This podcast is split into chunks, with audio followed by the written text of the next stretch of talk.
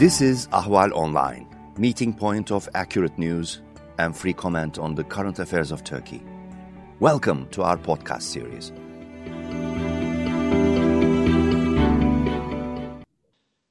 Hello and welcome to Ahval podcast video series Hot Pursuit. Today, joining me uh, from the United States, uh, David Phillips, who is uh, with uh, the Columbia University, Director of Peace Building and Rights, and also the author of the book uh, Turkey uh, Under Erdogan Dictatorship, an uncertain ally, Turkey under Erdogan dictatorship, to be exact. good to have you here, David. Thank you, Yavuz. It's good to be with you. Now, we are going to speak about uh, a sort of uh, decisive date, uh, first meeting occasion uh, between US President Biden and Turkish President Erdogan, June 14. And counting down on that, of course, uh, there is intense uh, there are intense series of developments in Turkey, as expected. It's a gold mine of stories. But now, with the series of uh, barrage of revelations coming from the notorious mobster Sedat Peker in a series of videos, uh, brought to the fore again what once was known, uh, including everything about summary executions, disappearings, uh, dirty dealings, dirty warriors, uh, and uh, burning down the villages, and also assassinations, like he mentioned the one uh, about uh, the our colleague, Cypriot colleague Kutlu Adalı, and lots of name dropping, of course, in those videos. And there are now reverberations again, some discussions, some claims about resignations of Interior Minister Soylu, which didn't happen. And uh, it seems now that Erdogan and Bahçeli uh, seem uh, determined to continue on the path uh, to uh, uh, consolidated power, maybe, as indications are, doubling down. So let us um, see all this emerging picture in the light of what it means for Turkey's um, future in domestically speaking and international politics uh, angle. Uh, what uh, do you think will happen when Erdogan and Biden meets, and what will the United States president tell him, and what is in the in the American portfolio? Well, there's a lot to talk about. Uh, Turkey and the United States are at a low point in their bilateral relations. Uh, Turkey's support for violent Muslim extremism in Syria, in Libya, and also in Nagorno Karabakh are of great concern.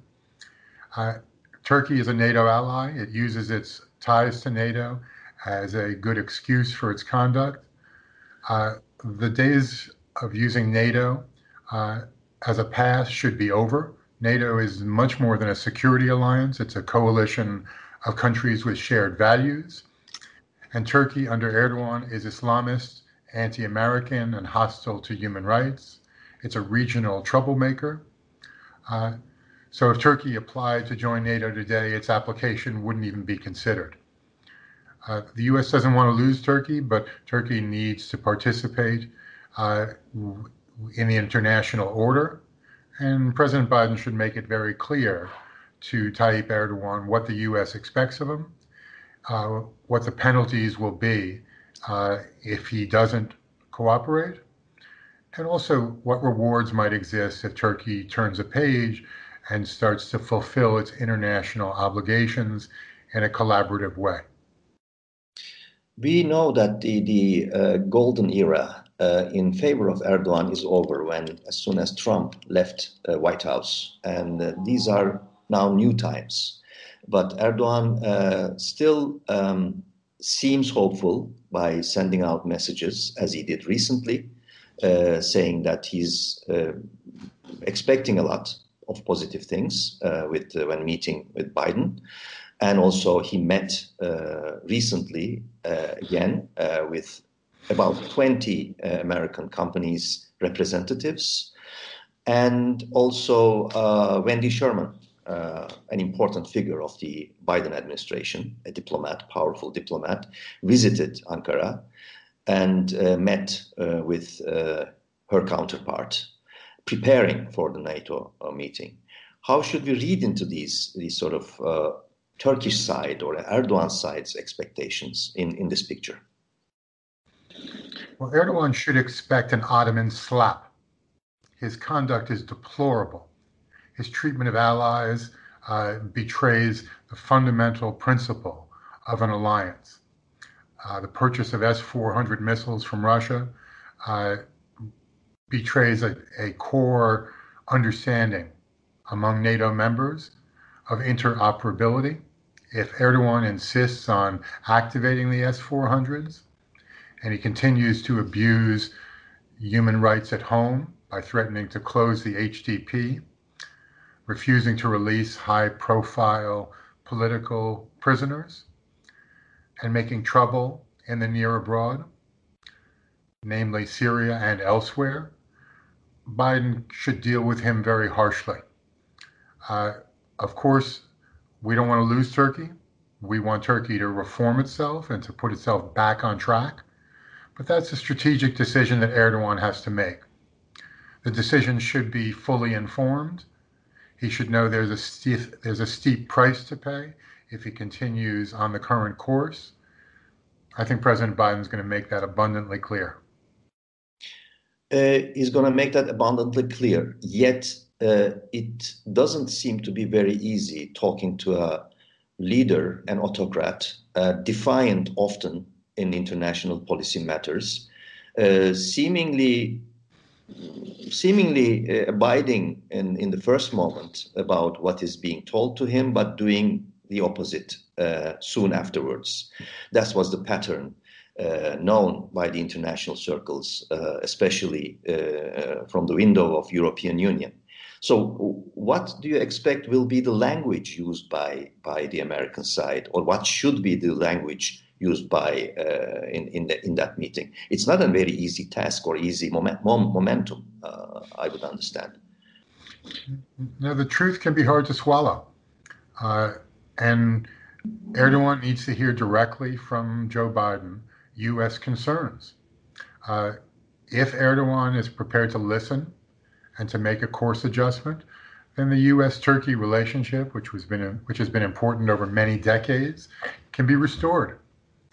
Uh, if Erdogan wants to double down and continue confrontation with the U.S., the EU, uh, and make trouble in the region, then he needs to know that the U.S. isn't going to turn a blind eye, that it will respond, and it will be to the detriment of Turkey. Uh, the Halkbank case, uh, the problems with um, CAATSA and and sanctions are only going to get worse. Erdogan has it in his hand to try to restore a positive trend in the in the U.S.-Turkey relationship. Question is, will he have the wisdom to make the right move? There's nothing in Erdogan's history or his temperament to suggest that he's going to take a deep breath and try to put things back on track. So you you think that the external dynamics uh, at this moment of, of, of, you know the juncture uh, where Turkey is right now is still very important, even more important than domestic dynamics. They're both important, Yavuz. Uh, the domestic dynamics are largely about the economy. Uh, eight and a half lira to the dollar when the AKP came to power, it was about two lira to the dollar. Anatolian businesses that have supported the AKP borrowed money at that exchange rate, and now they can't meet their debt obligations. Uh, Turkey's running out of hard currency reserves. So there are some serious domestic problems that Turkey has to address. And the economy affects all Turks. Uh, not to mention the unrest that could result uh, in the southeast if Erdogan pursues uh, steps to disenfranchise the HDP. Uh, there's a lot that he can do to put things on the mend, but if he stays on the current course, then the combination of domestic concern and international opprobrium is going to be intense. And Erdogan needs to know that he just can't bully his way through this. In the past, he's behaved in uh, the manner of a of a boss who feels as though he can dictate terms. Those days are over. And the U.S. under President Biden isn't going to uh, bend over backwards to accommodate Turkey. In fact, I think the exact opposite is going to be true. It's going to be truthful and very honest about U.S. concerns. And then when it comes to security cooperation or uh, international uh, economic uh, collaboration, the U.S. has a lot of tools in its toolbox to punish Turkey for its bad behavior. It's time for the adolescent to grow up and to start behaving like a statesman and a leader. Broader question is do we think that Erdogan has it in him to start behaving well? I don't think there's any evidence about that, but let's see how it goes with Biden. Maybe a face to face conversation with the US president where Biden speaks truth to power will be a wake up call for Erdogan, Erdogan, but we should monitor carefully uh, what transpires and what's the result of their conversation. Uh, no more long leash for Tayyip Erdogan. You, you are familiar with the role that you had earlier uh, as advisor to American administrations. And I am sure uh, you realize or recognize that uh, Erdogan, uh, in terms of the power structure that he built in the past six, seven years, uh, uh, does make him squeezed in a corner. Uh, if he changes direction towards normalization or softening his attitudes, he obviously will face a lot of hardship because in that power structure that he built, uh, there are very strong elements of anti-Americanism, pro-Russia uh, tendencies, pro-China trends or, or inclinations. So uh, that would certainly place him in a very, very risky, even riskier uh, position uh, when or after listening to Biden. Don't you agree? I do agree. Turkey is at a fork in the road. Uh, will it seek greater integration into Euro Atlantic institutions, or will it gravitate towards Eurasia and seek cooperation with Russia and China and in its in itself become a rogue regime. So there's a clear choice: uh, move towards the West based on international standards, or stick with the Eurasian course and recognize that uh, that's a dead end for Turkey. There may be some short-term relief, but in the long term, it's not taking Turkey in a direction that most Turks want to go. Um, earlier, and this is my last question, we had a lot of uh, observations and discussions about, uh, due to uh, the willingness of regime change in Syria, there was a lot of logistical and ideological support for jihadists in Syria and anti Kurdish uh, scheme of uh, operations, which still continues which I am sure will be also on, the agenda uh, on the Turkish portfolio when Erdogan meets Biden, the YPD, YPG elements or dimensions. But that aside, that, that per se brought a lot of uh, uh, uh, uh discussions marking Turkey as critics often use the term rogue state, an ally going rogue, and also marking himself as Erdogan and his partner Bahçeli as as as the you know uh, driving forces of an offensive, very offensive foreign policy. But now with the mobsters, uh, Sedat Peker's allegations, the term rogue state somehow getting glued with the newly coined term about Turkey as a narco state. These are very, very serious, uh, grave uh, uh, sort of, you know, depictions of the current uh, power structure. And uh, uh, how, how close is Turkey actually, or Erdogan's Turkey, being, being sort of marked as a as a state where you know lawlessness and, and sponsoring um, uh, violence and terrorism. It, it is it is a very dangerous path it is on. It seems. So the U.S. Department of State maintains a list of countries that are state sponsors of terrorism. There are four countries that are currently listed. Because of the strategic relationship with Turkey, U.S. officials are reluctant to include it on the SST list. But when you look at Turkey's performance, its support for jihadists in Syria who have committed terrible crimes against uh, the U.S. ally there, which confronted ISIS and defeated it, the transport of jihadists from Syria to Libya. There were 6,000 jihadists that were moved to the front lines there. And then more recently, the involvement of jihadists sponsored by Turkey uh, in the attack on Nagorno Karabakh, what Armenians call Artsakh. Turkey clearly warrants the designation as a state sponsor of terrorism. Whether or not the U.S. wants to do that remains to be seen. Uh, there are measures and sanctions that the U.S. can take that are consistent with what's required with the SST designation uh, the U.S. can proceed on that course without actually designating Turkey an SST. Uh, but Turkey must come to grips with the reality. If it continues to behave uh, like a rogue regime and a narco state, there's a big price to pay. And frankly, Turks are honorable, good people. They don't want to be tarred with that brush. Uh, I think they're starting to recognize the fact that Erdogan and the AKP has been a huge discredit and embarrassment to Turkey. And it's time for the Turkish people to take matters into their own hands. The U.S. learned a lesson in Iraq that regime change coming from an external source is not the correct way to go.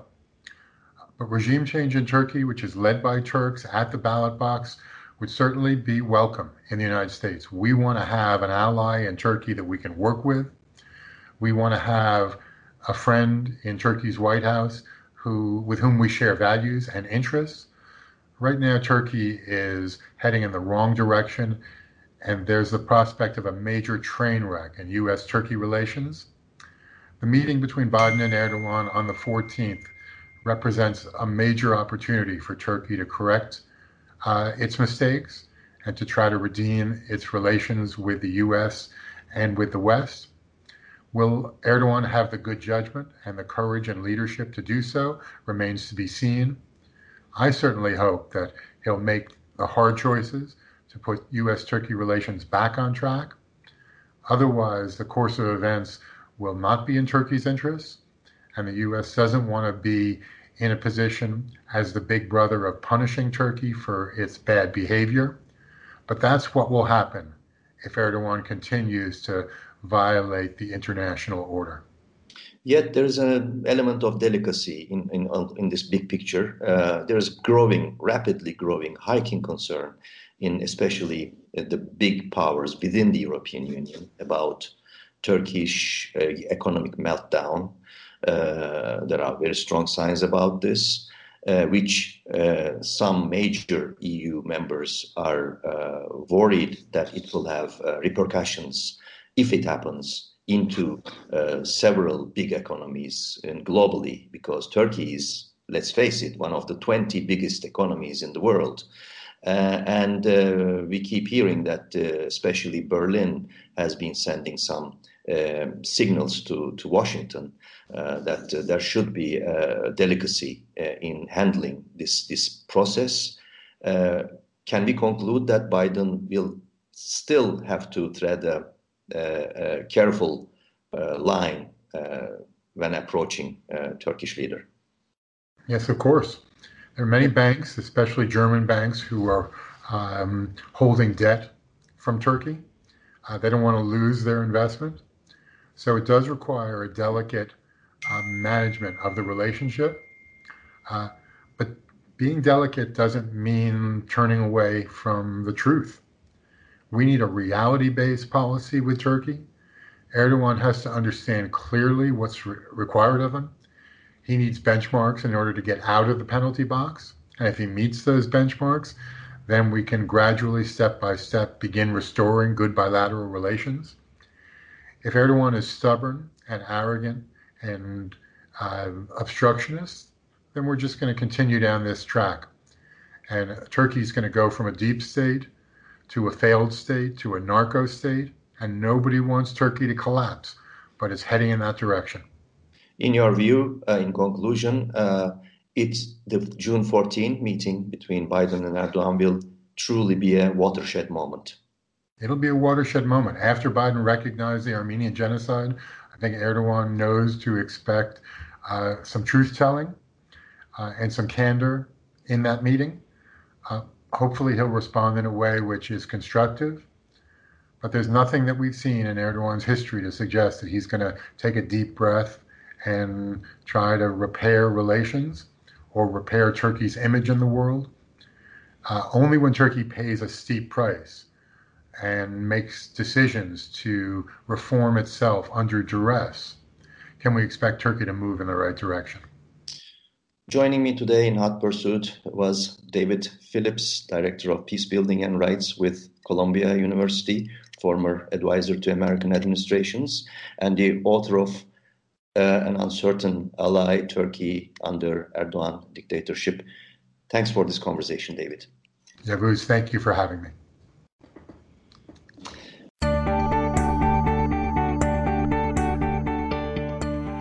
You can follow Ahval News Online podcast series through Apple Podcasts, Spotify, YouTube, Google Podcasts, SoundCloud, and Spreaker. All you need to know about Turkey is here for your ears, mind, and attention. Thank you for listening to our podcast.